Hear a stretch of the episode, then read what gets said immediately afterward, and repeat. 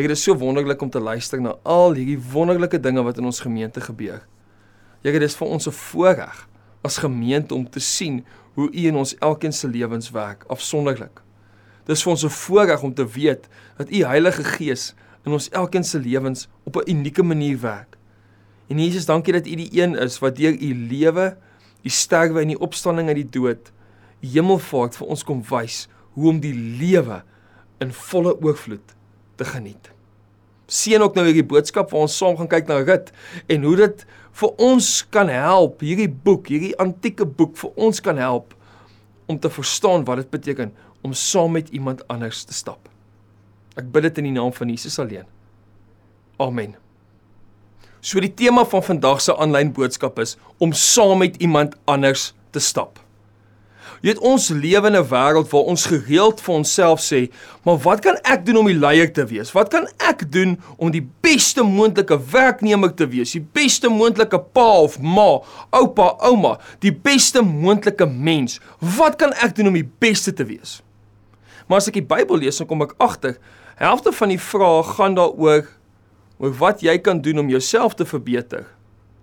Maar die ander helfte gaan oor wat kan jy doen om iemand anders te te verbeter? Wat kan jy doen om iemand anders se lewensreis vir hulle meer spesiaal te maak? Wat kan jy doen om iemand anders te help om die Jesus lewe aan te gryp? En om dit perfek te illustreer, het ek 'n boek gekies uit die antieke antieke dele van die Bybel. Dis die boek Rut. Die boek Rut is net 'n paar hoofstukke en ons lees omtrent nie eers daarvan dat die Here werk nie. Om die waarheid te sê, ons moet in die agtergrond gaan kyk om te sien hoe hy besig is om te werk. Onlangs het ek 'n studie gedoen van die plekke in die Ou Testament waar die Heilige Gees opdaag om mense te inspireer. En Rut is een van daai boeke. Ek dink die Heilige Gees wil ons deur Rut kom leer hoe om saam met iemand anderste te stap. So ruktig het ek gekyk na 'n dokumentêr wat te gaan het oor die Gewonia verhoor en die oorspronklike gevangenes soos Mandela en Tambo en toe lees ek nog 'n naam raak. Iemand van wie ons nog nooit gehoor het nie. En ek het 'n bietjie navorsing gaan doen en agtergekom maar hierdie persoon het van die begin af gesê maar hy wil eerder in die skade wees, die ander mense help om dit te laat gebeur wat die ANC gedoen het in die 60s. So is daar in elkeen van ons se lewens hierdie wonderlike verhale van mense wat sê maar ek ek wil jou op die voorgrond sit. Ek wil nie voor staan nie. Ek wil sien dat jy jou potensiaal ten volle bereik. Miskien het jy so afrigter gehad, 'n onderwyser Miskien was jou pa of jou ma, 'n oupa of 'n ouma, so iemand vir jou. Iemand wat saam met jou wou stap in jou pad saam met die Here om jou te lig en jou te help om die Jesus lewe ten volle te benut. Ek dink die boek Rut kom leer dit vir ons. Ek gaan eers vir ons Rut 1 vers 1 tot 5 saam lees net om die prentjie te skets oor hoe Rut en haar skoondogter Naomi saam gestap het. Daarna gaan ek so een of twee gedagtes daaroor met jou deel oor wat dit beteken om saam met iemand anders te stap en dan gaan ons aan na die res van die boek van Rut.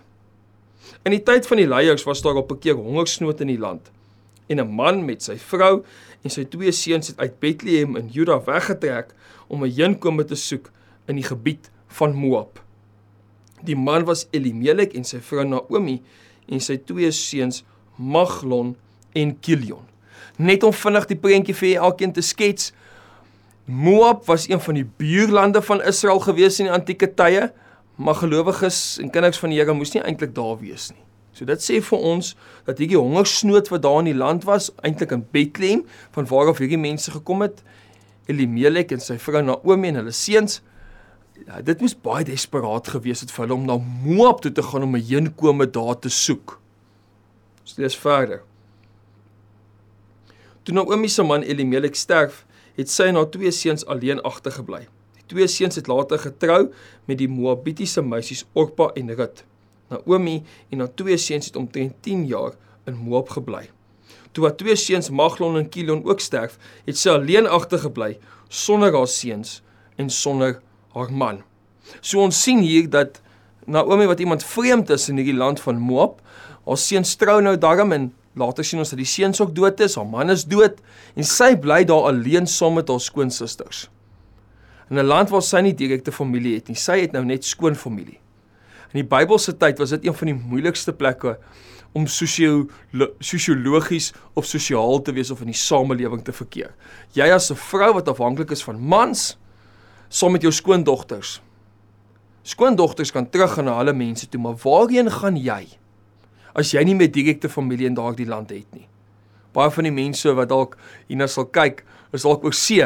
En jy verstaan hoe voel dit as jy alleen in 'n land is en jou familie is ver. Dis presies waarna Naomi op daai oomblik was. En dan kies sy om terug te gaan Bethlehem toe. Sy kyk voor dat dit beter gaan in Bethlehem, die hongersnood is verby en met haar terugkomslag sien ons dat dit nie so eenvoudig is vir hom terug te stap nie.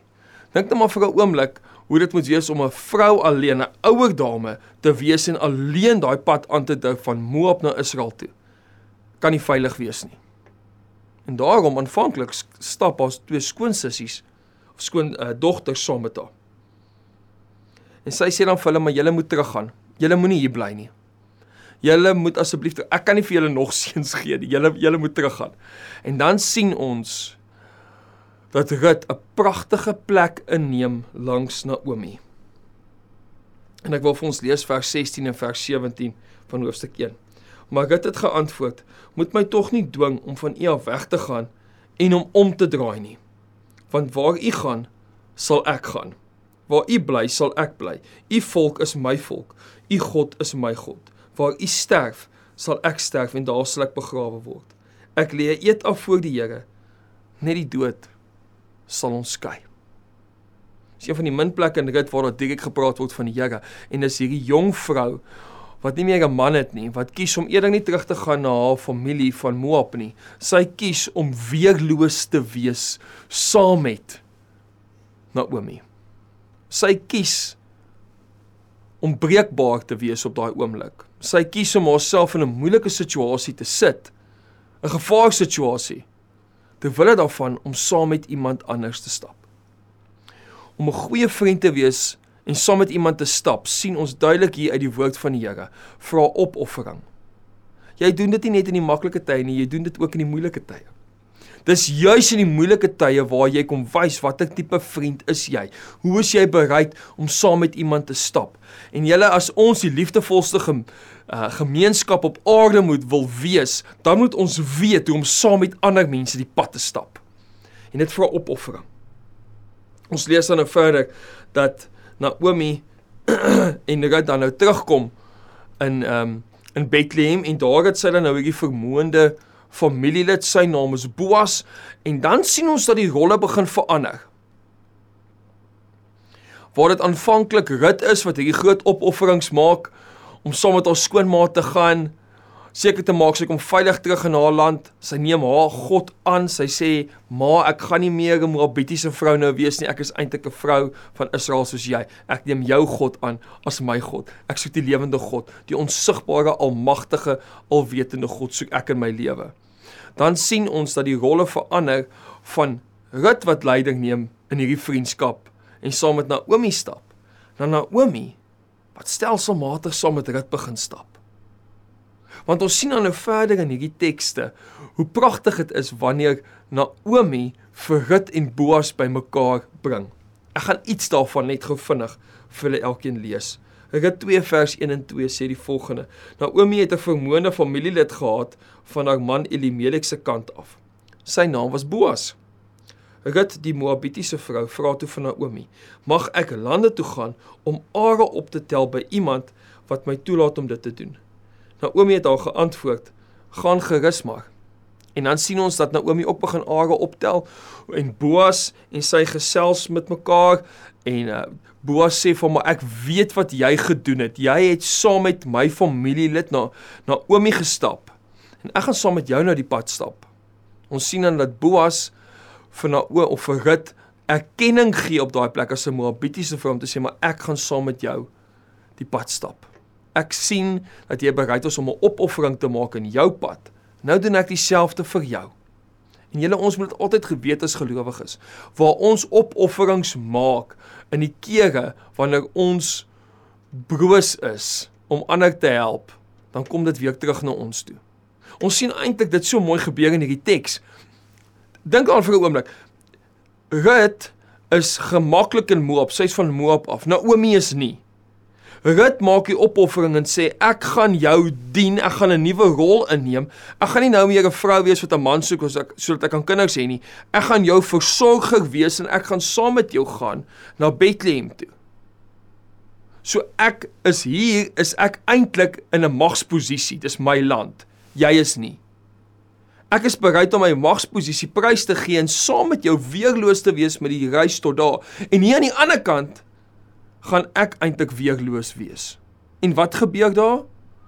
Naomi wat op die ouene die een is wat mag het, sy's 'n Israelitiese vrou, sy's van daar af. Sy is nou bereid om saam met die een wat weerloos is, naamlik Rut, die pad te stap. Wanneer ek en jy kies om vir mekaar vriende te wees en saam met mekaar die pad te stap, die Jesus lewe saam te deel, is dit belangrik om te weet dat ons gaan altyd in oomblikke van weerloosheid mekaar kan moet help. Dit is so belangrik. Hier is Rut die een wat mag het en Naomi die vreemdeling. Hier is Rut die vreemdeling en Naomi die een wat mag het. En Naomi besef dit en sy neem 'n leidende posisie dan in om Boas en Rut bymekaar te kry, 'n nageslag weer daar te hê. Ons lees dat sy dan ook in Rut 3 vers 1 tot 4 so pragtig vir ehm um, vir Rut raad gee oor hoe om spesifiek dan nou met Boas te kommunikeer sodat hulle by mekaar kan uitkom. Hierdie pragtige tekste herinner my so daaraan om met iemand te stap vir ons twee dinge spesifiek leer in hierdie teks en ek wil dit graag met jou deel en nou wil ek met jou drie fisiese dinge deel wat mens kan doen om saam met iemand anders die pad te stap.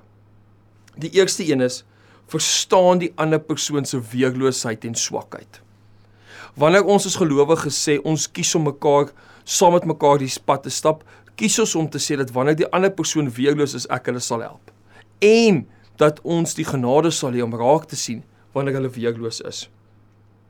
Dan die tweede een is wanneer ons met ander mense pad stap, moet ons verstaan nie net wat hulle weerloos maak nie, maar wat hulle kulture is en hoe dit verskillend is. Ons lewe in 'n land, Suid-Afrika, met sulke pragtige kulture. Maar partykeer maak ons foute in die manier wat ons saam met ander op pad wil stap, want ons verstaan nie hulle kultuur nie ons sien hier direk dat Rut nie heeltemal die Israelitiese kultuur presies verstaan nie. Maar dis vir haar oukei. Okay, want Naomi is besig om haar te leer hoe die kultuur werk. En wanneer dit gebeur, kan hulle beter met mekaar 'n pad stap. Die drie dinge wat ek met jou wil leer oor hoe jy dit kan doen, kulture kan raak sien en spesifiek mense se weerloosheid kan raak sien.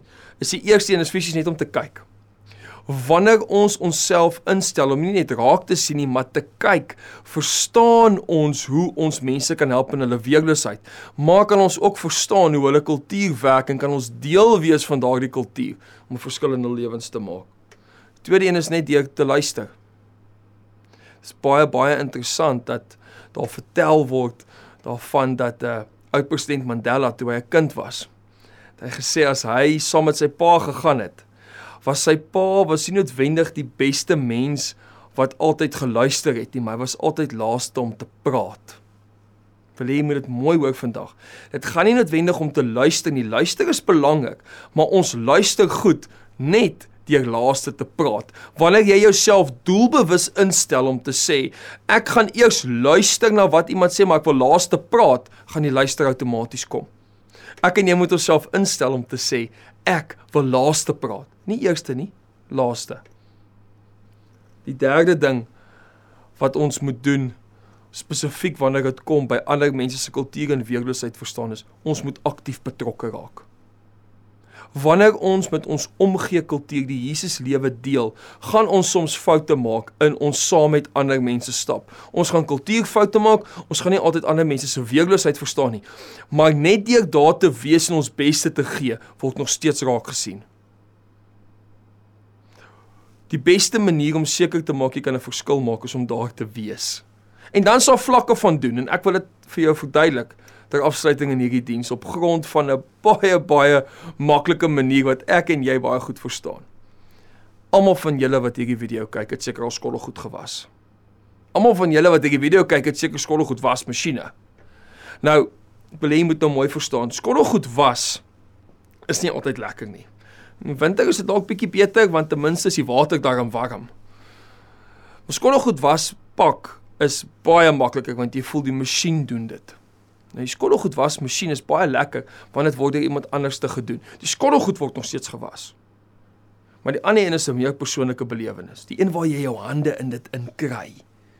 Om mense in hulle onweerloosheid te ondersteun op 'n een manier is om te sê ek gaan finansies gee, ek gaan geld gee, ek gaan kennis gee vir mense om opgehef te word, mense wat weerloos is, mense wat hulp nodig het uh, om mense se kultuur te verstaan, gaan ek die boeke lees. Dis alles skottelgoed was masjien. Dis belangrik, dit moet gebeur. Die finansies moet daar wees, die geld moet daar wees, die infrastruktuur moet daar wees, die kennis moet daar wees, maar daar's die doen deel ook.